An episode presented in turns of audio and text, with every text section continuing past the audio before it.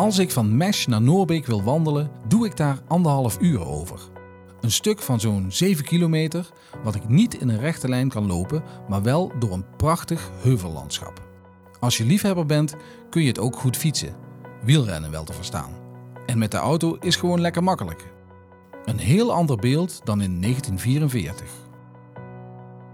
Maar er waren natuurlijk nog geen autowegen in die tijd. En ging allemaal via smalle wegen, meestal onverhard. En er zat niet echt een hele bepaalde lijn in. Maar toch waren zij dan de eerste die België introkken. En ook de eerste die binnen twee weken daarna ook Nederland binnen zijn getrokken. Hoe leg je met een grote legermacht grote afstanden af zonder de snelste route te kunnen nemen? Gewapend, bepakt, de vijand overal. Wat maakt de geallieerden zo snel in hun opmars? Wie zette die eerste voet op Nederlands grondgebied? En wat als de ene helft van de provincie wel al bevrijd is, maar er in jouw stad opeens fel gevochten wordt? Dit is Liberation Verteld, de luisterverhalenserie ter ere van 75 jaar Liberation in IJsden-Margraten. Dit verhaal begint op 6 juni 1944 in Normandië, D-Day, waar Roy en Ray Boer, een tweeling uit Amerika, hun tocht richting Nederland begonnen. Om de opmars van de geallieerden mogelijk te maken is er hard, maar strategisch gevochten. Niet een eerste voet aan land zetten, maar in de branding op een strand in Normandië. S'nachts zijn eerste parachutisten en zweefvliegtuigen geland die belangrijke plekken hebben moeten innemen. S ochtends zijn de mannen in de bootjes uh, aan, aan, het strand gekomen. En met er waren vijf stranden. Twee Amerikaanse stranden, Utah en Omaha. En twee Britse stranden, Gold Beach en Sword Beach. En één Canadees strand, dat was Juno. Met name op Omaha Beach is er heel hard gevochten. Zijn binnen zes uur tijd zijn daar meer dan 3000 slachtoffers gevallen. Uiteindelijk zijn de landingen wel allemaal gelukt. Ze hadden niet allemaal hun doelen bereikt, maar ze zijn aan land gekomen, ze hebben het vast kunnen houden en van daaruit verder kunnen uitbreiden. En als we kijken naar de 30e Infanteriedivisie, die zijn een, ongeveer een week na die day aan land gekomen. Het zal ze tussen 10 en 13 juni zijn geweest. En van daaruit zijn zij Normandië naar het binnenland ingetrokken. En daar hebben ze de eerste gevechten geleverd. Met name bij de plaatsen Saint-Lô en Mortaix. In Mortaix hebben ze stand gehouden. Amerikanen en de Britten hebben de Duitsers kunnen omsingelen. En van daaruit is de snelle opmars naar Noord-Frankrijk, België en Nederland en natuurlijk Duitsland begonnen. Het is niet het lichte reizen of de goede infrastructuur die de opmars zo snel maakt. Men moet Frankrijk door, België, Nederland, op weg naar Duitsland. Het is ook niet een doorreis, het is een bevrijding. Het is oorlog. Ja, en met name de snelle opmars kwam tot stand dat er zijn tienduizenden Duitsers gevangen genomen in Normandië, waardoor de Duitsers dus heel veel mensen kwijt zijn, zich heel snel beginnen terug te trekken. En van daaruit zijn ze verop kunnen trekken, maar er waren natuurlijk nog geen autowegen in die tijd. En het ging allemaal via smalle wegen, meestal onverhard. En er zat niet echt een hele bepaalde lijn in. Maar toen de Amerikanen optrokken, richting Zuid-Limburg. Ze hadden natuurlijk elke dag wel weerstand, maar dat was niet veel. De Duitsers boden weerstand eigenlijk meer als een soort van vertragingstechniek. Dat was natuurlijk zodat de Duitsers weer hun eigen leger konden opbouwen voor het geval dat de Amerikanen bij de Duitse grens zouden komen. Toch waren zij dan de eerste die België introkken en ook de eerste die binnen twee weken daarna ook Nederland binnen zijn getrokken. Amerikanen zijn dus op 12 september 1944 de Nederlandse grens overgetrokken. Dat deden zij de eerste keer om 10 uur ochtends bij het dorpje Mesh. Onder leiding van kapitein John Kent is daar de A-compagnie van het 117e de grens overgetrokken. Er is nog behoorlijk hard gevochten een paar uur lang. Mesh is uiteindelijk om 4 uur smiddags bevrijd. Daarbij werd Mesh ook het eerst bevrijde dorp van Nederland. En Noorbeek is de eerst bevrijde gemeente. Die 12 september zijn in totaal drie Nederlandse dorpen bevrijd. Mesh, Noorbeek en Meer, ook in die volgorde. Ook nog een aantal gehuchten zoals Withuis, Moerslag, Berghuizen en Terlinde. Nu we in Nederland zijn aangekomen, is het tijd om kennis te maken met de tweelingbroers Ray en Roy. Beide bij hetzelfde leger, met hetzelfde doel. En toch zijn de door hen afgelegde wegen compleet verschillend, waar die tot in Frankrijk nog gelijk liepen. Twee van die mannen die mee in Nederland zijn binnengetrokken, dat was een tweeling. Dat waren Roy en Ray Boer. Roy was een stafsergeant in K-compagnie van het 3e bataljon 119e regiment. Die mannen zijn op 12 september in de namiddag zijn die de Belgisch-Nederlandse grens overgetrokken bij Noorbeek. K-compagnie ging voorop. Die zijn door het dorp getrokken.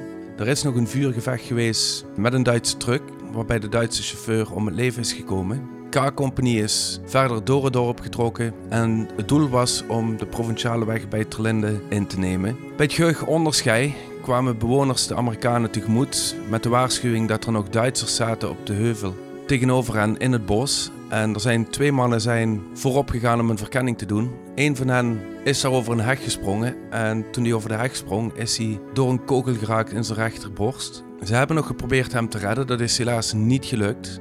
En K-Company is daardoor niet verder kunnen optrekken.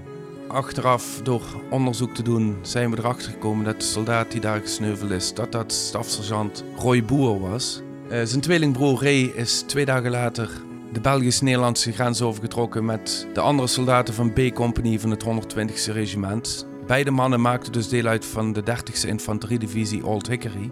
Ray heeft vrij snel daarna al te horen gekregen dat zijn tweelingbroer gesneuveld was. Roy en Ray dienden dus in dezelfde divisie. In Frankrijk hebben zij zich ook nog één keer ontmoet. De familie weet niet of, of het Roy of Ray was, maar één van hen zat op het balkon en ziet zijn tweelingbroer onder het balkon doorwandelen heeft op hem geroepen. Daar hebben ze nog een kwartier met elkaar kunnen praten. En dat bleek achteraf dus ook de laatste keer te zijn geweest dat ze elkaar gezien en gesproken hebben. Dit klinkt allemaal heel feitelijk, maar hoe weten we dit? De stem die je hoort is van Frank Gubbels, Battlefield Guide. Voor hem en velen met hem is de Tweede Wereldoorlog en onze bevrijding meer dan een hoofdstuk in een geschiedenisboek. Roy en Ray Boer zijn belangrijke personen voor sommigen geworden. Hoe bereikt zo'n verhaal je? Wat doe je ermee? Wanneer houdt het verhaal echt op?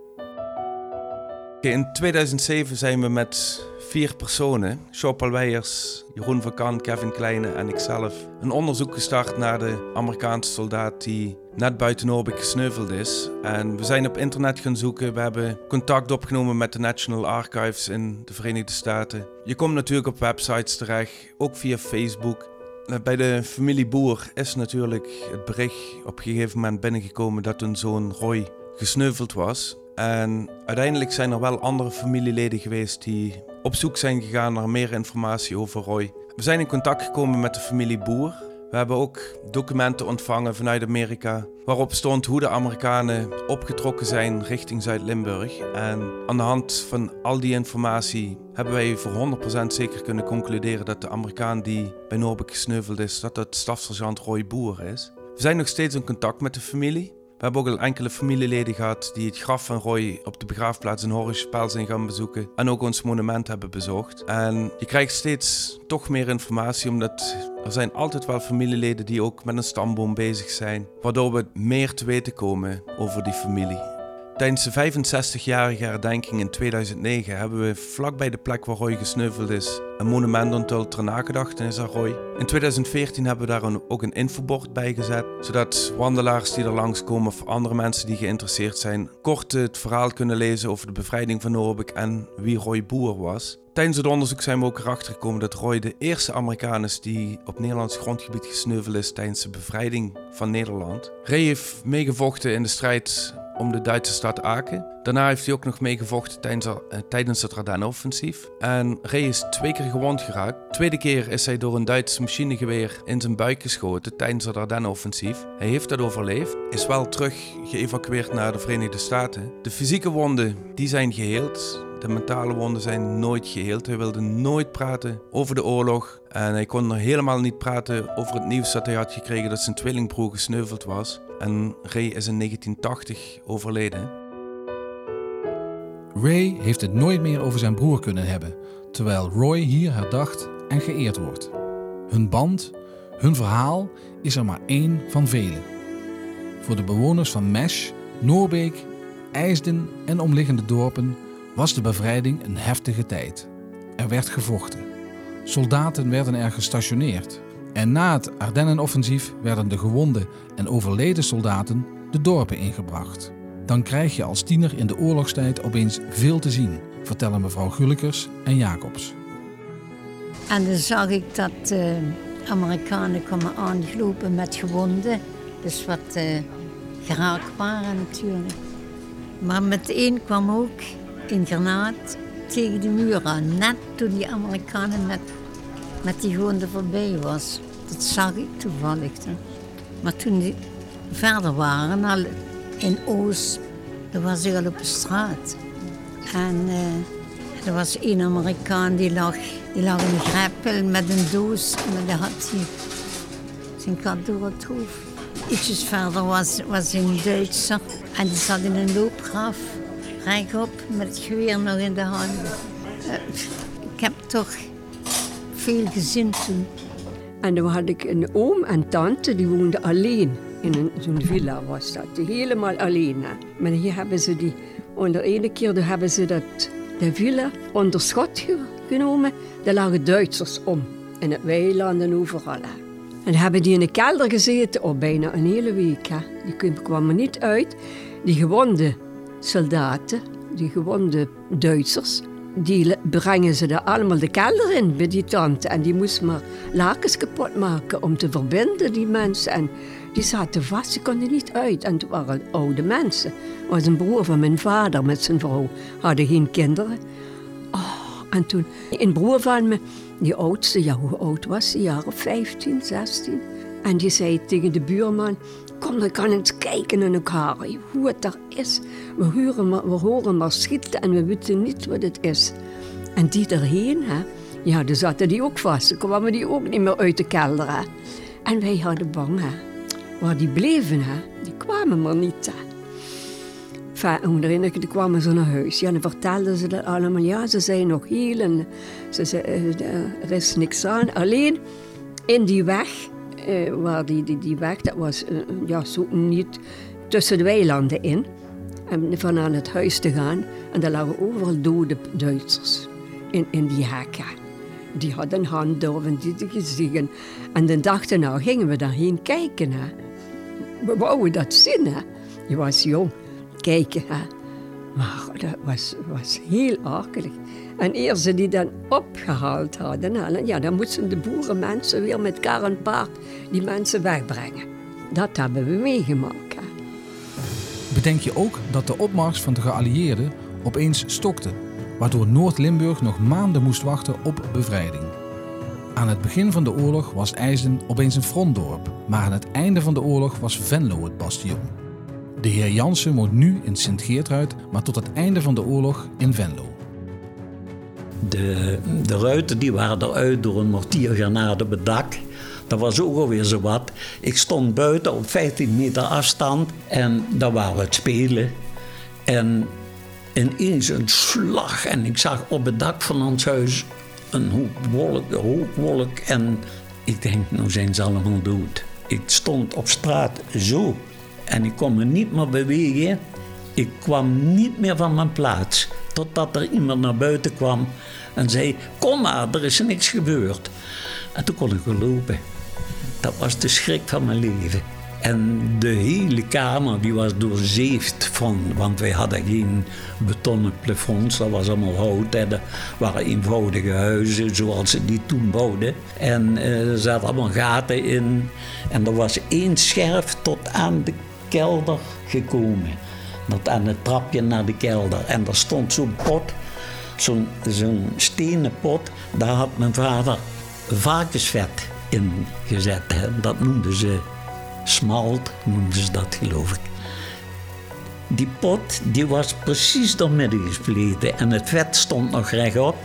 En door die scherf stond die, was die precies door midden gespleten. Dat was verschrikkelijk toen ik die, die, die, die granaat op dat dak zag komen. Ik dacht, nou zijn ze er allemaal geweest. De tijd tussen 12 september 1944 en 1 maart 1945 is lang voor een provincie en een land in oorlog. Er zijn mensen die de bevrijding vieren terwijl anderen nog in schuilkelders zitten. Is het gevoel van bevrijding ook iets wat je direct merkt? Is de oorlog als de geallieerden er zijn ook echt voorbij? Ervaar hoe bevrijding beleefd wordt via deze luisterverhalenserie Liberation Verteld. Volg mijn verhalen door de geschiedenis van 75 jaar bevrijding via www.75jaarliberation.nl. De afleveringen zijn ook te beluisteren via Spotify of Apple Music. Ik ben Roel Imveld. Deze luisterverhalenserie wordt gemaakt in opdracht van gemeente IJsden-Margaten door Castleview Studio en Via Story.